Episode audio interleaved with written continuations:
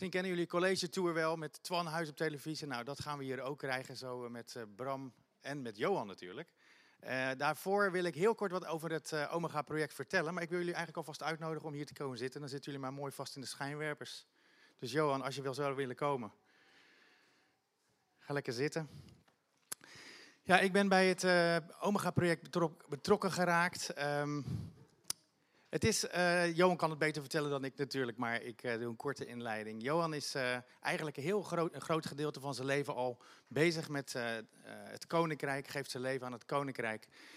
En hij was op een gegeven moment op een conferentie, dat is eigenlijk waar de stichting of het Omega-project eigenlijk ontstaan is. Ten diepste was op een conferentie. En dat ging over de Heilige Geest. En dat ging ook over de Tempelrivier, waar we vandaag bij stil hebben gestaan. En hij kreeg daar een, een indruk van Bob Gordon. Uh, dat was uh, de spreker van die conferentie. En die zei, die kwam naar Johan toe en die zei: Johan, ik heb een, uh, een indruk voor je. En ik heb het idee dat God tegen je zegt dat hij twee kaarten van je weg wil nemen en er één kaart voor terug wil geven.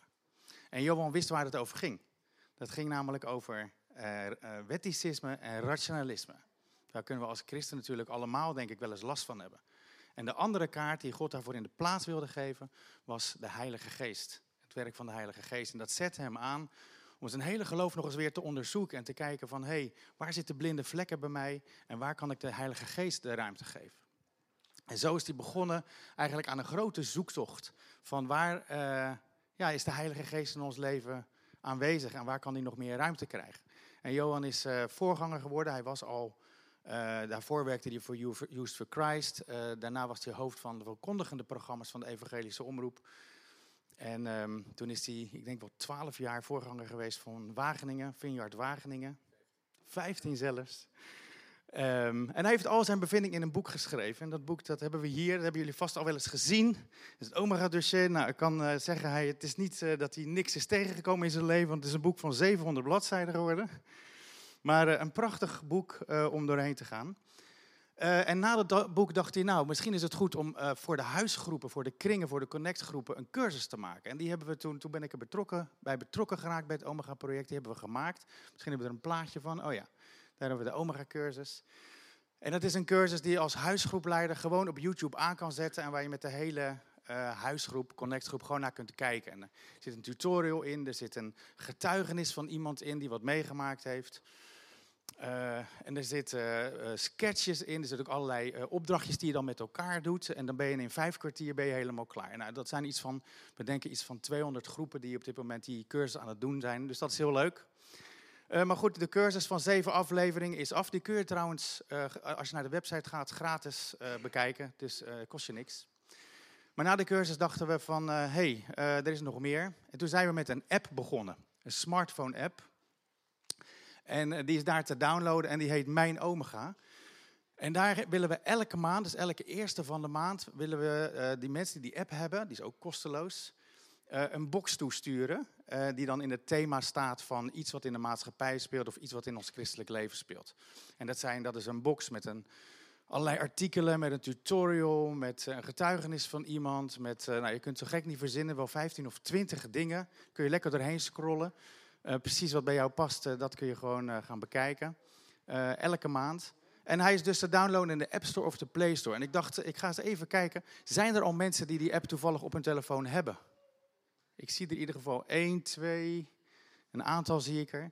Nou, voor degenen die hem nog niet hebben, hij is dus te downloaden. Ik wil jullie uitdagen om hem nu te downloaden. En degene die hem als eerste gedownload heeft, en dat kan bewijzen, die krijgt van mij dit boek gratis. Dus pak je telefoon er even bij. Je kunt ook trouwens, uh, als je telefoon het aan kan, uh, de QR-code scannen, dan zit je er in één keer. Maar degene die nu op zijn telefoon mij kan bewijzen dat hij... Je hebt hem al... Ah, Harme. Applausje voor Harme. Alsjeblieft. Even bewijs, bewijs, bewijs. Nee, bewijs. Ik moet een bewijs zien. Nee. ja, daar is hij. Fantastisch. Hartstikke goed. Um, wat gingen we er nog meer over zeggen? Of gaan we al naar Bram en. We gaan naar Bram en, uh, en Johan luisteren. Uh, Johan gaat, uh, Bram gaat Johan wat vragen stellen. Ik kan me voorstellen dat er tijdens het interview van hun ook vragen bij jullie binnenkomen. En misschien, Johan, kan je mijn nummer even in beeld krijgen? mijn, ja, mijn WhatsApp-nummer. App gewoon gaandeweg je vragen naar mij toe. Dan ga ik even door alle vragen heen en tegen het einde pikken we er twee of drie uit en die stellen we dan Johan ook nog eventjes. Dus nou Bram en Johan, heel veel succes. Ik hoop dat je het overleeft. Maar die doet het nu ook niet. Kijk. Ja. Deze nog niet. Deze wel. Ja? ja? Test, test. Hij doet het. Ja. Oké. Okay. Dries, dankjewel. Um, in, je, in je boek uh, beschrijf je dat uh, als je niet loskomt van oude zekerheden, is er eigenlijk geen ruimte voor nieuwe ontdekkingen. Daar was ik wel heel benieuwd, want dat, dat vind ik een mooi, mooi statement. Maar welke, welke zekerheden heb jij nou in je leven echt, echt moeten loslaten? Om ja, zeg maar, die nieuwe dingen te kunnen ontdekken? Um, dat is best een lastige. Um, even nadenken. Ik denk, ik ben opgevoed eigenlijk met uh, heel weinig bevestiging.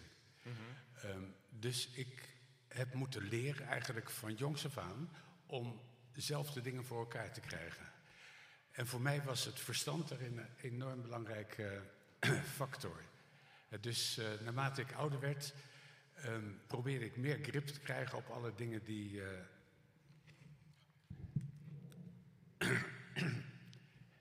die in je leven voor, voorbij komen. En um, mijn verstand speelde daar dus eigenlijk een cruciale rol. En uh, Lucas heeft net al even verteld in die conferentie waar ik op een gegeven moment was. Ik had al een aantal keren had ik iets uh, meegemaakt van het werk van de Heilige Geest. En dat uh, fascineerde me. Uh, dat vond ik ontzettend spannend. En tegelijkertijd ook voelde ik daar best heel veel weerstand mm -hmm, bij. Mm -hmm. En ehm, toen op die conferentie, waar uiteindelijk, ja, dat is een heel lang verhaal wat ik nu heel kort vertel, maar op die conferentie was eigenlijk dat beeld van die tempelbeek aan de orde. En toen vroeg die Bob Gordon, die daar de leiding had, die vroeg van uh, wie wil nu echt het water in? En uh, ik heb er heel lang over gedaan om te leren zwemmen, vroeger. Ja. en hier speelde eigenlijk hetzelfde van, ik wil het wel en tegelijkertijd vind ik het heel eng. En, um, welke weerstand moest je overwinnen dan? Controleverlies. Hm. He, dus dat idee van uh, um, het allemaal in je hand proberen te houden.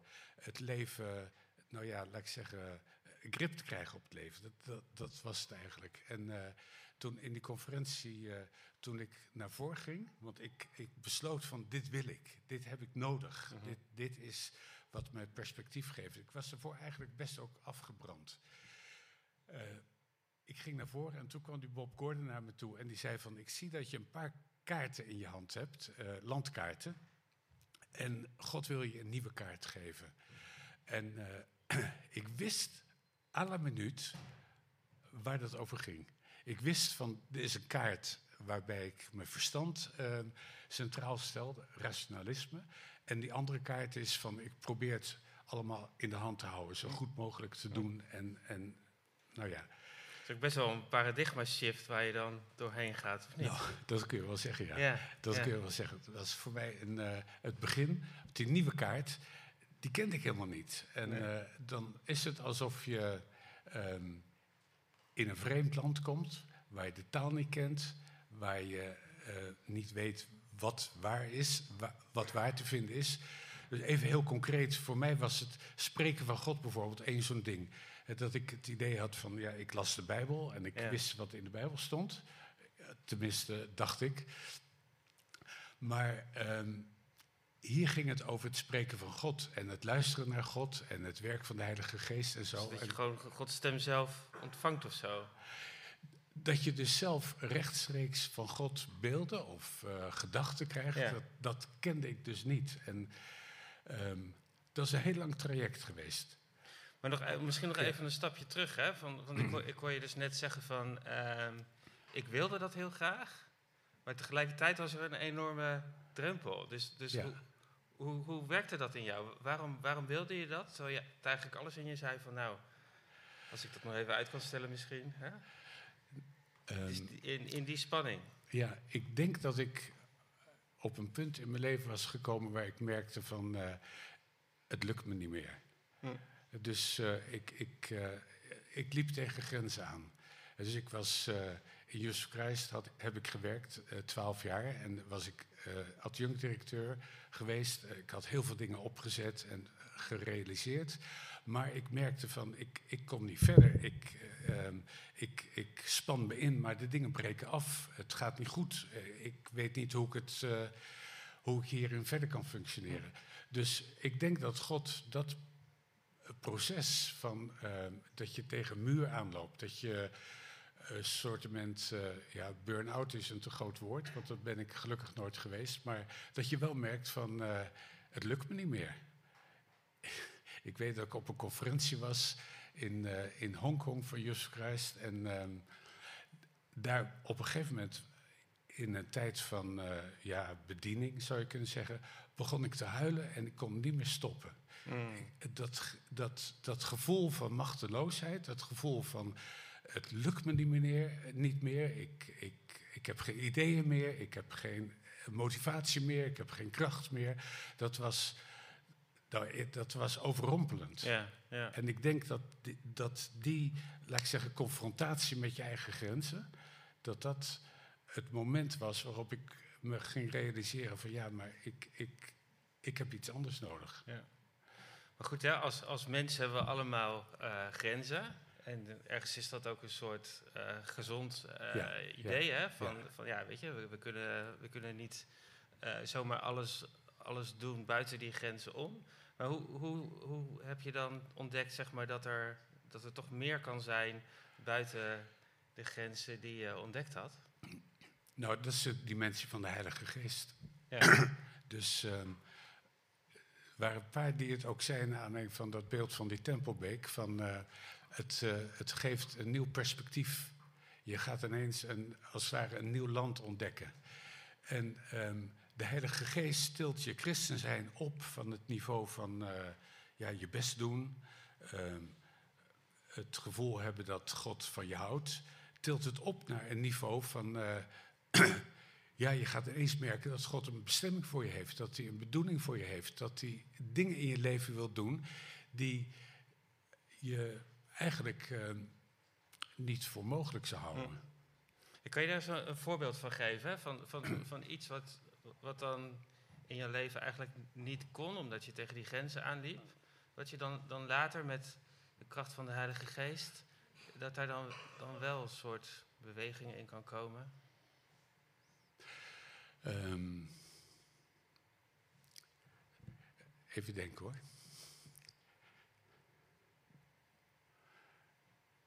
Het omgaan met uh, teleurstellingen, met lijden. Mm -hmm. um, ja, dit, is, dit, is, een voorbeeld, dat is best persoonlijk. Uh, mijn eerste vrouw die is uh, aan kanker overleden. En um, er was een moment dat het duidelijk werd van er is geen genezing meer mogelijk. En dat moment dat was heel ingrijpend. Hè. Daarvoor mhm. hadden we gedacht van... Uh, er zijn medisch gezien nog mogelijkheden. En, en bleek dus op een gegeven moment van... die mogelijkheden zijn er niet meer.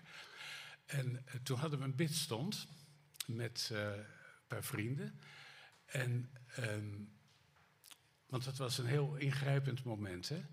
En um, toen baden we natuurlijk voor Franny in die situatie van dat de Heer toch een wonder zou doen. Daar hebben we heel veel voor gebeden, heel lang voor gebeden.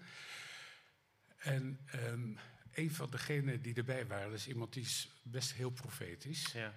Die draait zich op een gegeven moment om, want we waren voor Franny aan het bidden. En die draait zich om naar mij en die zei van... Ik zie voor me het woord leef, geschreven in hoofdletters. Leef.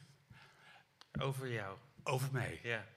En ik had zoiets van, dat, het was voor mij eigenlijk overrompelend. Eigenlijk een beetje chockerend. Ik dacht, ik ben, mijn leven loopt af, want mijn, uh, mijn vrouw die gaat overlijden. Ja. Dus ik had zoiets van, dit, dit kan helemaal niet. Nee. Dit, dit, botst gigantisch. En uh, ik was eigenlijk ook een beetje, een beetje ja, geïrriteerd erdoor. Mm -hmm. ik, ik, ik kon het niet plaatsen. Maar toen ik erover ging nadenken en over ging bidden toen realiseerde ik me van, uh, als God dat tegen je zegt, dan gaat hij het ook waarmaken. Dan gaat hij het ook mogelijk maken. En in die situatie daarna heb ik, heb ik inderdaad gemerkt van... Ehm, God die tilt je als het ware boven een situatie uit. Ehm, niet als een vlucht, maar hij, hij tilt je op, zodat je ehm, dat perspectief van dit loopt af, dat je het kunt verdragen, dat je het kunt hanteren en dat je uh, de moed hebt om, om uh, door te gaan met leven en met uh, dingen aanpakken enzovoort. Want hoe heb je dan in, in die. Dat, ik kan me ook voorstellen dat het best verwarrend is. Hè? Van, van, natuurlijk gaat, gaat het een, bepaalde kant op. Ja. Het, het, het, aflopende leven van Fanny. En God zegt dan tegen jou: leef.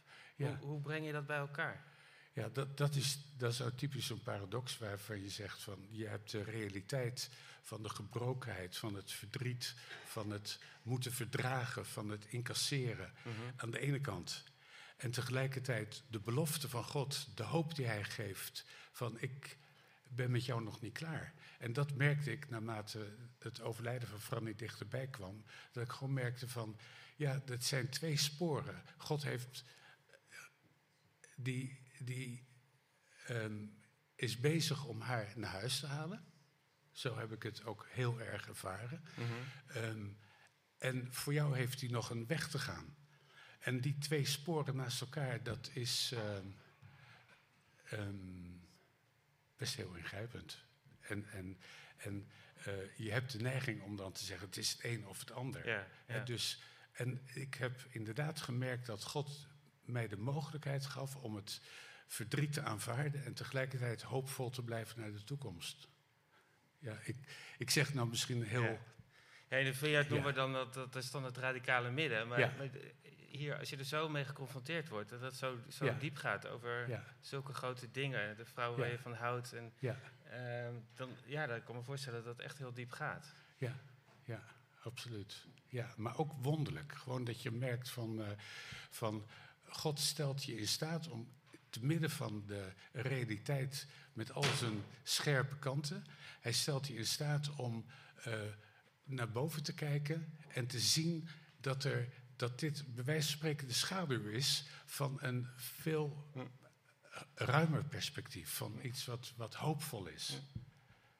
En uh, hoe, hoe ziet het leven er nu uit, hè? nu een, een aantal jaren verder? Dat, dat je is eigenlijk ook bijzonder. Van, hè, God die, die, spreekt dan iets uit. En hè, dat, dan hebben we natuurlijk ook de tijd nodig dat dat, dat uh, ook werkelijkheid gaat worden. Hoe, hoe, kijk je daar nu naar?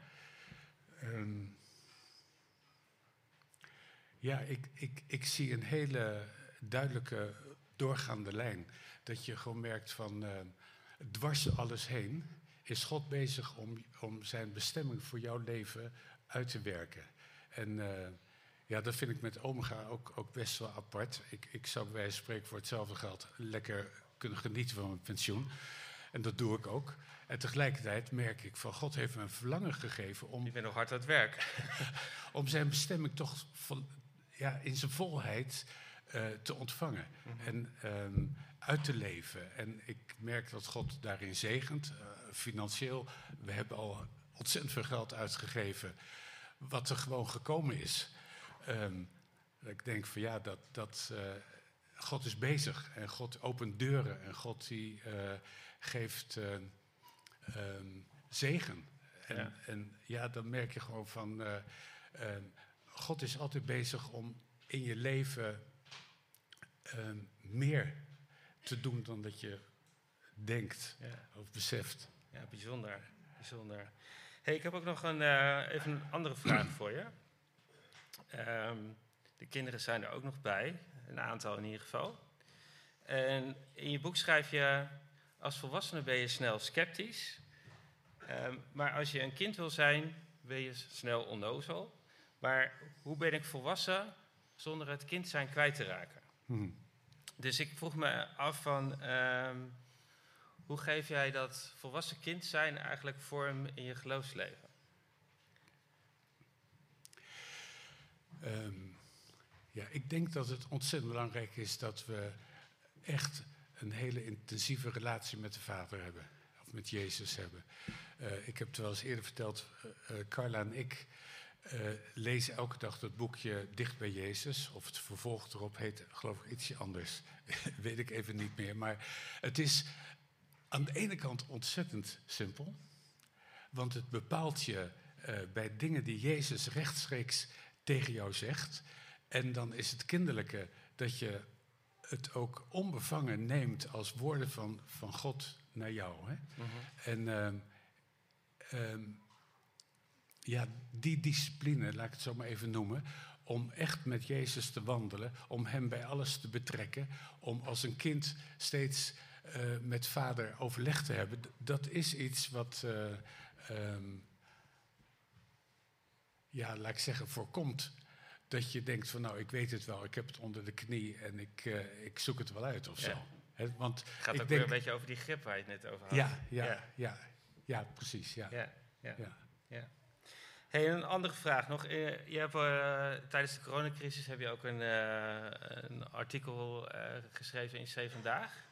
Ehm, daar heb je het onder andere over de bovennatuurlijke wereld en hoe we dat eigenlijk Mhm. Soms een beetje in deze tijd wat, wat, wat wegzetten of uh, nou ja, vergeten. vergeten en dat het niet relevant is. Je schrijft het volgende. Het rare is dat we in onze cultuur het bovennatuurlijk hebben weggezet als bangmakerij of onschuldige fantasieën. Maar dat we tegelijkertijd angstig en wantrouwend zijn. Dus er zit ook een beetje een paradox in, hè? Ja. Um, hoe, hoe reëel is eigenlijk die, die bovennatuurlijke wereld voor jou?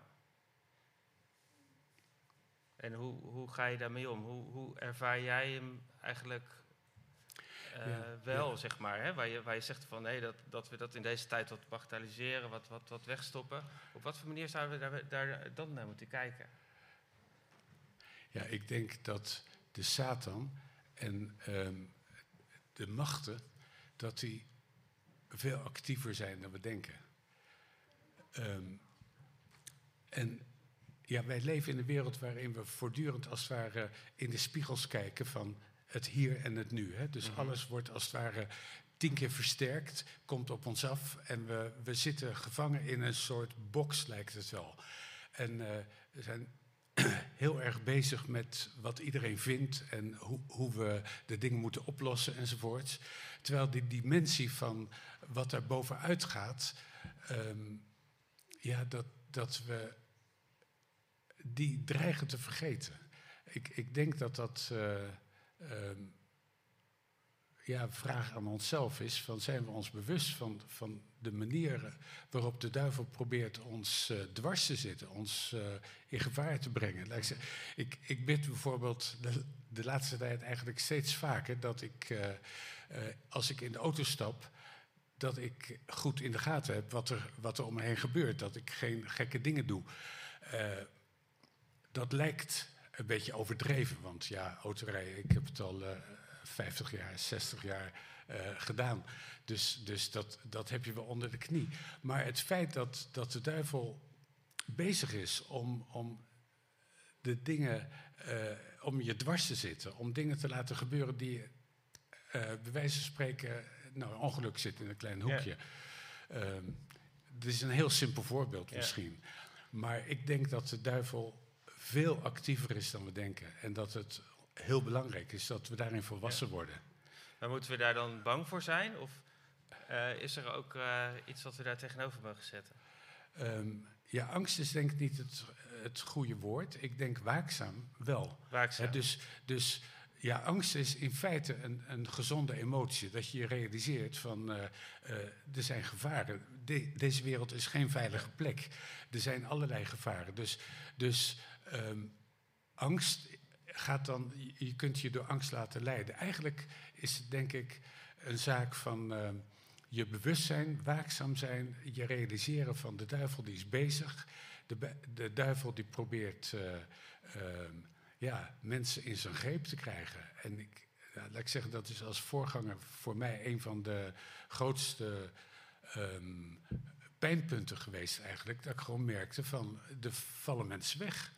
Uh, mensen die op een gegeven moment uh, ja, echt voor de Heer gingen. En je ziet het weglopen, het wegdrijven. Je ziet ze in verkeerde uh, invloedssferen terechtkomen. En dan denk je van ja, dit, dit is wel serious business. Ja. Dit is geen kinderspel. En, en het, het, het, je bewustzijn van het feit dat je echt bescherming nodig hebt en dat je Jezus nodig hebt, Ja.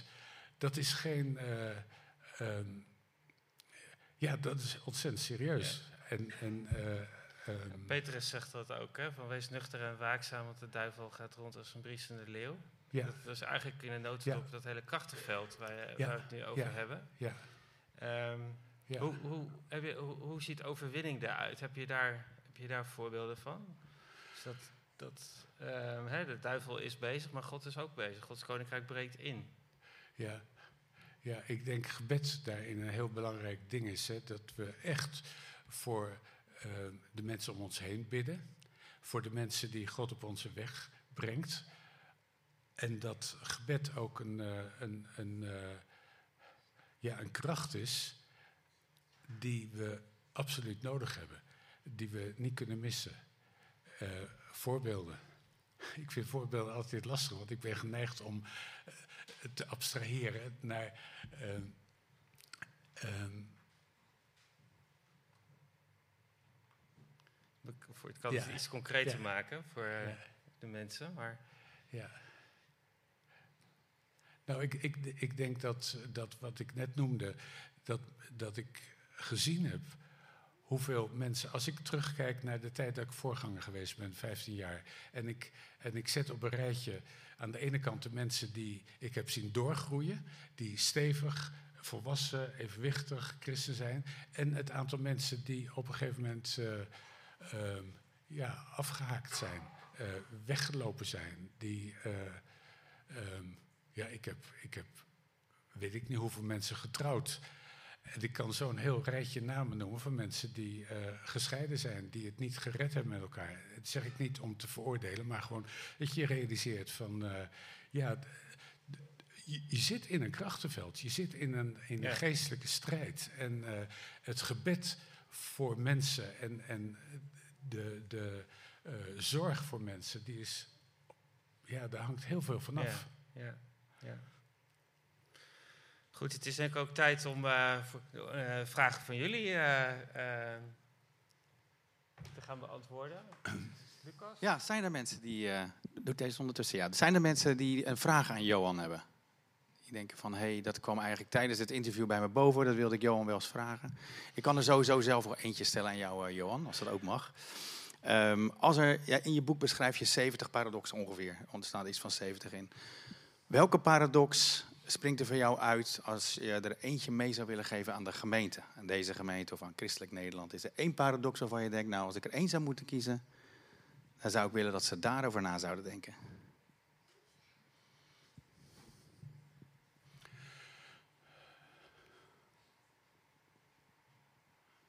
Ik heb er niet voor niks 70 opgeschreven. hè?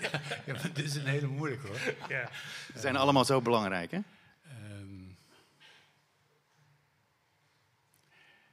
Ja, het, ik, misschien moet ik het hierop toespitsen. Het, het zichtbare en het onzichtbare. Hm. Het is dat wij, wij ehm, te, te maken hebben met de realiteit zoals die is. Daarin heeft God ons geplaatst.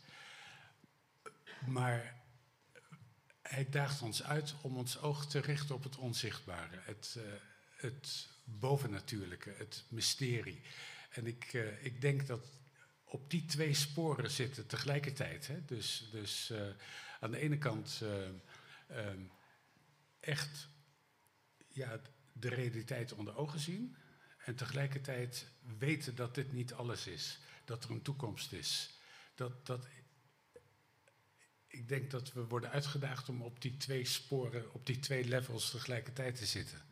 En ik, eh, ja, ik wens dat iedereen toe. Van dat je ehm, meer mag ontdekken van wat God aan het doen is, dwars door alles heen. En dat je zicht hebt op het eh, ehm, perspectief dat hij geeft. Ik, ik moest morgen, toen we aan het bidden waren, denken aan, aan dat beeld wat C.S. Lewis op een gegeven moment vertelt. dat beeld van die kinderen die in het steegje achter hun huis in een plas modder aan het spelen zijn, terwijl een paar straten verder het strand is en de zee. En hij zegt, we are much too easily satisfied, of far too easily satisfied. We, we, we hebben zo snel het gevoel van, dit is wel goed, dit voelt veilig, dit heb ik in de hand, dit weet ik allemaal, dit ken ik wel. En die uitdaging aangaan om uh, naar de echte zee te gaan. En um, um, de nieuwe, nieuwe dingen van God willen ontvangen. Uh, het gebied vergroten. Ja, sorry, ja. Ik, ik, ben, ik heb, ben meer een spreker dan een. Uh, nee, je ga je gang. maar dat idee van. Uh, God die heeft meer land voor je. Dat is een van mijn lijfteksten. Is, um, elke plaats waar je voet zet, die geef ik je. Joshua. Ik heb die op een paar momenten in mijn leven zo nadrukkelijk ontvangen.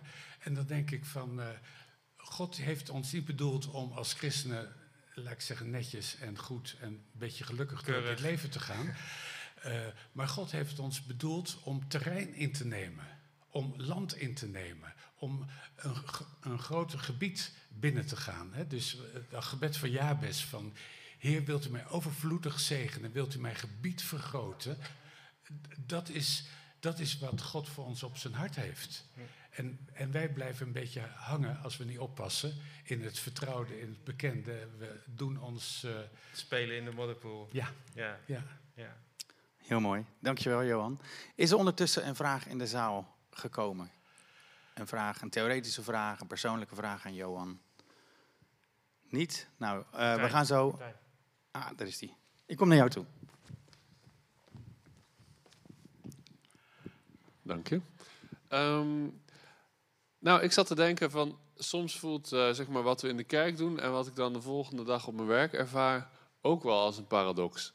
Um, en dat uh, is natuurlijk niet een paradox, maar laat ik het in ieder geval uiterste noemen of zo. En waar ik, waar ik wel benieuwd naar was uh, hoe je die integratie eigenlijk van die twee ziet. Hoe we als christenen wat meer als uh, gewoon als één, één en hetzelfde gezicht eigenlijk kunnen functioneren. Terwijl je wel natuurlijk in hele andere contexten bent. Um, ja, want daarin merk ik dat ik zelf wel eens... Er is zo'n liedje van uh, Verslagen lig ik in de berm van de Gulden Middenweg van uh, Voorwaar. Uh, zo in de binnen eigenlijk wat passief wordt van alle opties die we meekrijgen vanuit de kerk. En denk van ja, hoe leef ik nu eigenlijk? Wat we leren en wat we doen en wat we qua modellen neerzetten, hoe leef ik dat eigenlijk morgen op mijn werk, waar ik me ook voor geroepen voel.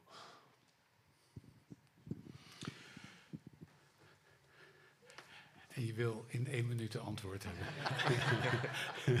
30 seconden. Ja, ja, ja. ik kan in ieder geval boek, je boek lezen, toch? ja. Um,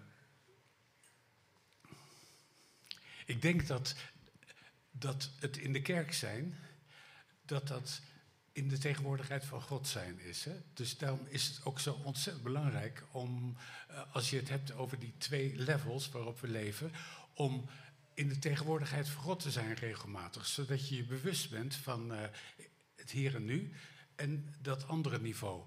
En um, ik denk dat, dat dat, naarmate je meer verbonden ben, bent met, uh, met het onzichtbare je in het zichtbare effectiever kunt zijn. Um, en dat is niet een kwestie van principes hanteren, dat is een kwestie van uh, samen in, in, in, een soort permanent dialoog bezig zijn. En dat kan betekenen dat God uh, voor jou bedoelt dat je voor een collega, een speciale collega, dat je daarvoor bidt of meeleeft. Of dat je attent bent, dat je, dat je iemand op je hart draagt. Het kan betekenen dat God je een, een idee wil geven waar je voor je bedrijf of voor de organisatie waarin je zit, uh, wat heel erg uh, vernieuwend werkt. Het, het kan op natuurlijk duizend manieren uitwerken. En dat is het mooie van het relationele van, onze, van ons geloof, dat we in gesprek met God op de plek waar we gesteld zijn, um, mogen functioneren. En dat, dat daar dus uh, um, input van boven eigenlijk steeds beschikbaar wordt gesteld. En ik denk op het moment dat we er twee werelden van maken, wat we heel snel doen natuurlijk, dat, het, het, geloof en, en het alledaagse, ja, dan word je als het ware schizofreen, dan raak je uit elkaar gerukt of dan ontstaat er een kloof van binnen. En ehm, ja, ik denk dus dat, dat de paradox is, zorg dat die twee allebei maximaal uh, op spanning staan. Hè? Dus de relatie met God, dat je geen situaties ingaat waarin je niet bezig bent met de vraag, Heer, wat, wat wilt u doen? Wat wilt u me laten zien? En tegelijkertijd uh, niet los van het hier en nu en van het alledaagse, maar dat je die twee op spanning houdt. En wat je zegt, hè, niet een beetje uh, van het een en een beetje van het ander, een soort compromis. Maar dat vanuit de relatie leven, dat, dat is de vriendschap met Jezus, de verbondenheid met God, de openheid voor de Heilige Geest. Ik denk dat, dat, dat God ons daarin nog veel meer wil leren, veel krachtiger wil maken. Dankjewel, mooi antwoord. Ik denk dat er nog wel tijd is voor één laatste vraag. Is er nog iemand die denkt, ik zag net vingers over het hoofd, of zijn we er zo wel? Ik zie geen vragen meer. Johan, dankjewel voor alles. Ja. Voor vandaag. en voor alles wat je doet. Groot applaus voor Johan. Super mooi wat je allemaal uh, bereikt. Uh, voordat we af gaan sluiten, want we gaan uh, snel naar de lunch, mag ik nog twee boeken weggeven. Ja. En dat is een kleine prijsvraag. Nou, ik heb het niet heel moeilijk gemaakt. We gaan even terug naar waar we allemaal mee begonnen. Johan had op die conferentie uh, twee kaarten die hij eigenlijk in mocht leveren. Wie weet nog wat die twee kaarten zijn? Anna? Wetticisme en rationalisme. Ja, applaus. Eentje, eentje is voor jou. En het tweede boek is, wat kreeg hij ervoor terug? Welke kaart kreeg hij ervoor terug? Wie weet dat? Dimf, je hebt heel goed opgelet. Dankjewel. Dankjewel. Alsjeblieft. Um, ja, nog een applaus voor Johan, voor het Omega-project, voor alles wat we doen. Hartstikke goed. Uh, als je, heeft de app gedownload, voor wie het nog niet gedaan hebben. Uh, misschien, Johan, mag ik nog even die uh, slide in beeld van de laatste box. We hebben nu twee boxen live gehad. En de derde is er net live gekomen. Ja, dat is deze. Dat is de box Wat is vrijheid? Dat gaat ook een beetje over dat wetticisme, van wat is nou echt vrijheid? We zien wel eens mensen die in de wereld die zo vrij zijn, maar eigenlijk zouden wij alle vrijheid moeten hebben. Nou, Hanna zit erin, dit mooi getuigenis van Hanna. Joost geeft mooi commentaar in het tafelgesprek. Menno kennen we natuurlijk, die is erbij betrokken. En Maika, die is ook vandaag in de dienst. Joost ook trouwens. Super meegedaan. Uh, we kennen Jo al voor de wind. Uh, en dan hebben we Jeroen. Ik weet niet of hij er vandaag aanwezig is, maar die geeft als psycholoog nog allerlei tips. En rechts onderin een hele vriendelijke man die ook bijdraagt. En dus download de app. Uh, hij is gratis en vooral deze maand is het met veel mensen van de Vineyard. Dus uh, geniet ervan. Ja, laten we gaan bidden. Wil jij met ons bidden, Bram?